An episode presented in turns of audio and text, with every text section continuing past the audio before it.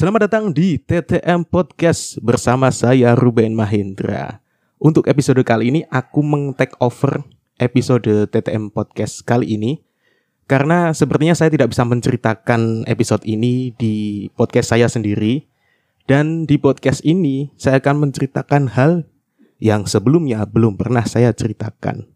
Waduh, rasanya kayak eksklusif gitu ya di TTM Podcast ya. Oke teman-teman, untuk konteks aja, aku rekaman itu saat ini adalah saat di mana aku selesai makan siang. Nah, pas makan siang di jalan itu, aku tuh lihat ada sepasang-sepasang uh, cowok sama cewek gitu ya, pakai batik, istilahnya sarimbit gitu. Nah, di hari ini tuh ternyata banyak banget orang yang sedang menikah, teman-teman. Nah, salah satu hal yang patut aku syukuri pada hari ini adalah saya tidak dapat undangan untuk menghadiri pernikahan. Karena begini teman-teman, entah ini ini entah ini prinsipku atau enggak ya. Uh, ataupun uh, mungkin teman-teman juga ada yang pernah ngerasain kalau sebenarnya undangan itu wajib didatengin atau enggak sih gitu kan. itu aneh gak sih ketika kita diundang kan?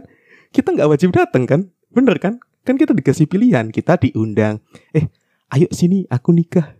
Ayo makan-makan ketika saya sudah punya makanan banyak di rumah, saya tidak usah datang begitu kan. Oke teman-teman, aku nggak mau cerita tentang hal yang berhubungan sama nikah sih, tapi tema podcast kali ini adalah patah hati terdalam. Nah, seperti yang sudah saya sampaikan sebelumnya, podcast ini tuh sebenarnya nggak ada hubungannya sama pernikahan karena subjek yang aku ceritain ini tuh sebenarnya belum menikah juga sampai detik ini ya teman-teman. Dan buat konteks aja, podcast ini tuh kan bahas tentang hal-hal yang gelap. Jadi saya tuh kan ngubek-ngubek materi itu kan. Mau nyeritain apa gitu yang patah hati banget gitu kan. Dan sebelumnya ternyata aku itu pernah bahas ini bahkan di TTM Podcast juga di episode sebelum-sebelumnya. Coba dicek deh yang sama aku gitu. Nah, aku akan menceritakan secara detail di mana ini bisa dikasih judul seperti ini. Tolong editor kasih judul seperti ini.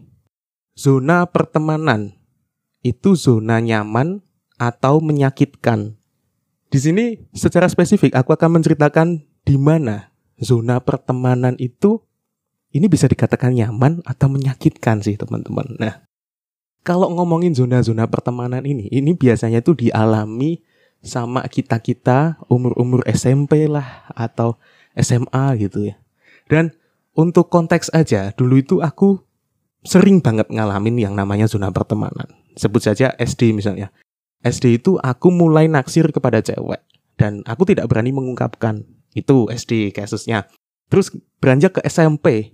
SMP pun juga seperti itu gitu kan. Walaupun aku sudah mulai berani-berani tuh main-main sama cewek gitu, main ke mana, main ke mana gitu. Terus SMA. Nah ini konteksnya aku mau ceritain tentang SMA. Jadi aku itu pas SMA dulu termasuk orang yang cukup aktif di organisasi. Dan di situ seperti teman ketahui di mana ada OSIS, di situ kan ada yang namanya ketua, sekretaris, dan bendahara. Kala itu aku sebagai ketua OSIS dan subjek yang aku ceritain ini adalah dia sebagai sekretaris. Nah, seperti itu. Seperti yang kita ketahui kalau organisasi di SMA itu adalah sebenarnya ini adalah media buat kita bisa main-main ke mana-mana ya teman-teman.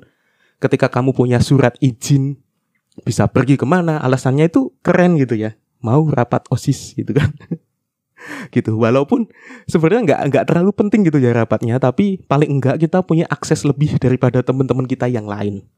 Nah, kedekatanku dengan seorang cewek ini tuh bermula dari organisasi itu teman-teman. Uh, sampai pada akhirnya aku merasa loh kok lama-lama nyaman ya sama orang ini gitu kan. Ke mana-mana bareng, nyari surat bareng, ada acara bareng. Nah, suatu ketika aku itu baru nyadar, loh aku ternyata jatuh cinta sama orang ini gitu. Dan itu aku sadari ketika sudah menuju penghujung kelulusan kelulusan SMA teman-teman. Bayangin dari kelas 1, 2, terus kelas 3. Sinyal ini aku rasain ketika aku lagi ngalamin prom night pada saat itu. Dan prom nightnya ini ada semacam konflik gitu ya di prom night itu. gara-gara entah uangnya apa geseh gitu nggak sesuai sama hitung-hitungan gitu terus kita ada suatu apa ya hal yang harus urgent detik itu harus diselesaikan juga kemudian kita melingkar gitu. Nah kemudian aku mulai merasakan nih kehangatan orang ini tuh seperti ini jadi dia itu bisa menenangkan gitu terus kontak fisik gitu dan lain-lain.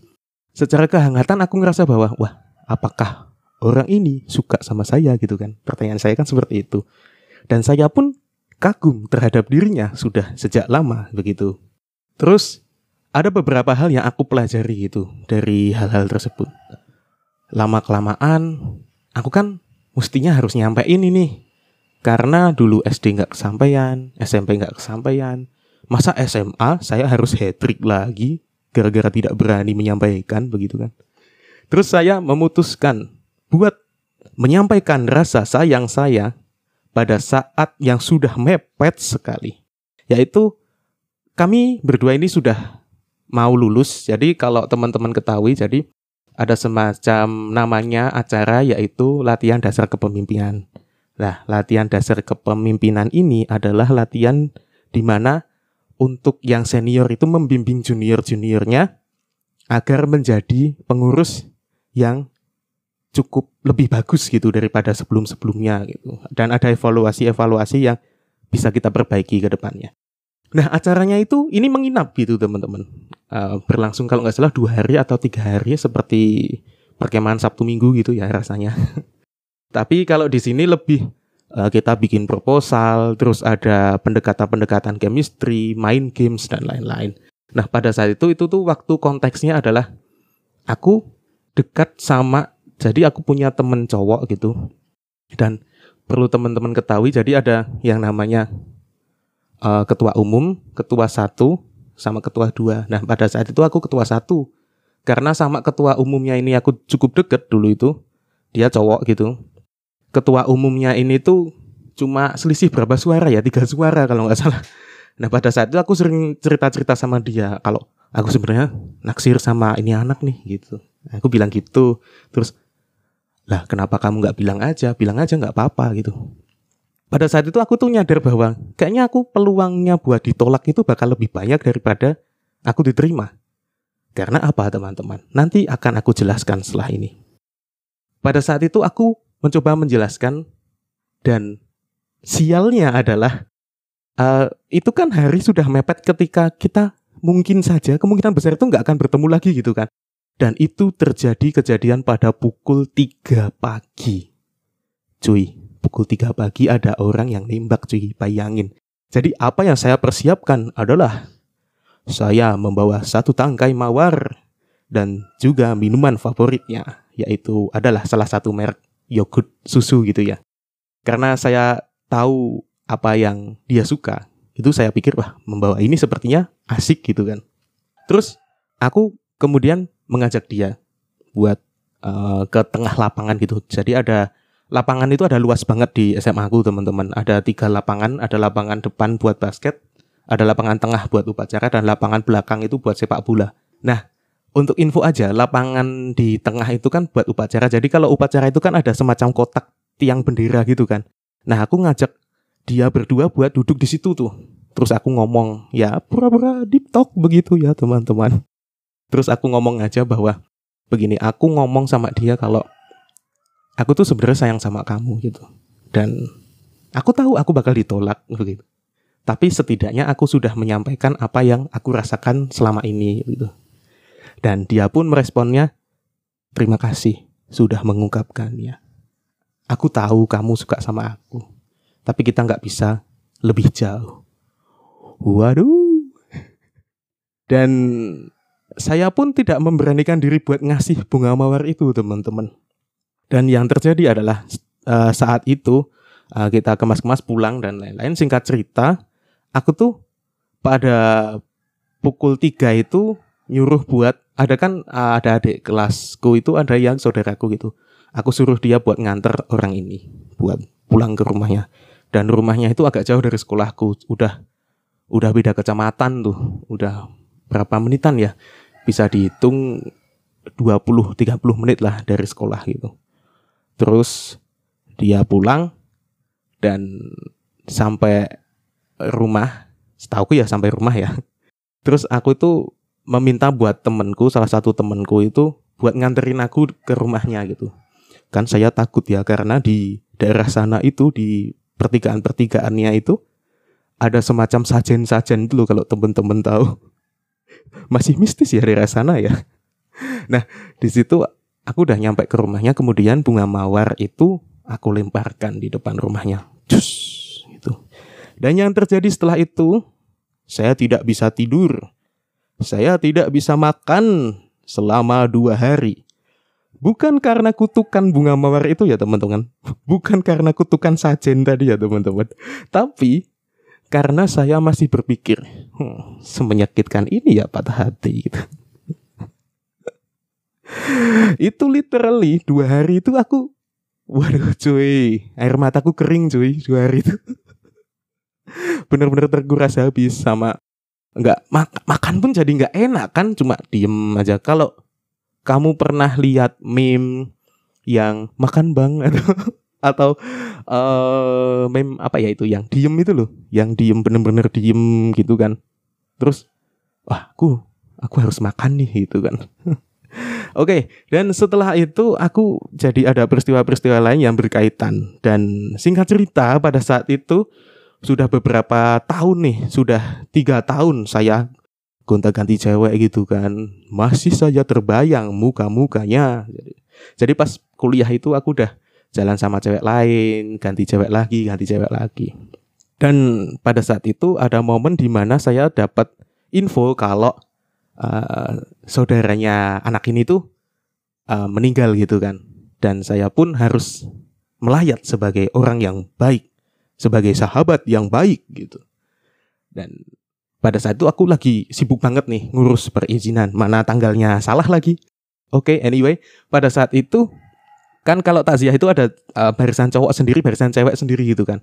Aku lihat dari kejauhan, wah dia gendong ponakannya nih. Wah asik juga ya kayaknya kalau aku gendong. Itu dan setelah itu um, aku sempat salaman sih pas datang itu sama ibunya juga. Dan ibunya masih bertanya dong, Mas kok lama nggak ke sini? Kapan main ke sini lagi? kan lama. Mohon maaf nih saya kan berkonflik dengan orang ini ya gitu. Kenapa saya harus main ke sana gitu. Nah setelah itu dan yang terjadi adalah orang ini tuh twistnya twistnya adalah dulu aku juga punya temen yang deket banget sama uh, orang ini tuh dan saya selalu dilarang buat berhubungan sama cewek ini. Karena apa? Dia sih bilangnya begini temen. Bilangnya gini teman-teman bilangnya adalah dia itu terlalu tinggi. Dalam artian seleranya tinggi maunya terlalu banyak neko-neko dan lain-lain. Terus aku kan berpikir polos aja ya ya udah mungkin bukan rezekiku gitu kan singkat cerita selama saya sudah tidak berhubungan dengan orang ini ternyata teman saya ini yang sekarang berhubungan dengan orang itu jadi mengapa ini bisa dikatakan zona pertemanan itu adalah hal yang nyaman atau menyakitkan gitu kan. Itu bisa diartikan macam-macam sih, entah aku zona pertemanannya dengan dengan cewek ini ataupun dengan teman-temanku itu ter, ternyata temen itu juga bisa nusuk kan. Dan kadang pisaunya itu lebih tajam yang menusuk ketika itu adalah teman terdekatmu. Begitu. Oke, sepertinya itu saja yang saya sampaikan dan maybe kalau teman-teman pengen aku ceritain lebih lanjut nanti bisa datang ke rumah podcast teman-teman oke aku Ruben Mahendra sampai jumpa di episode TTM podcast selanjutnya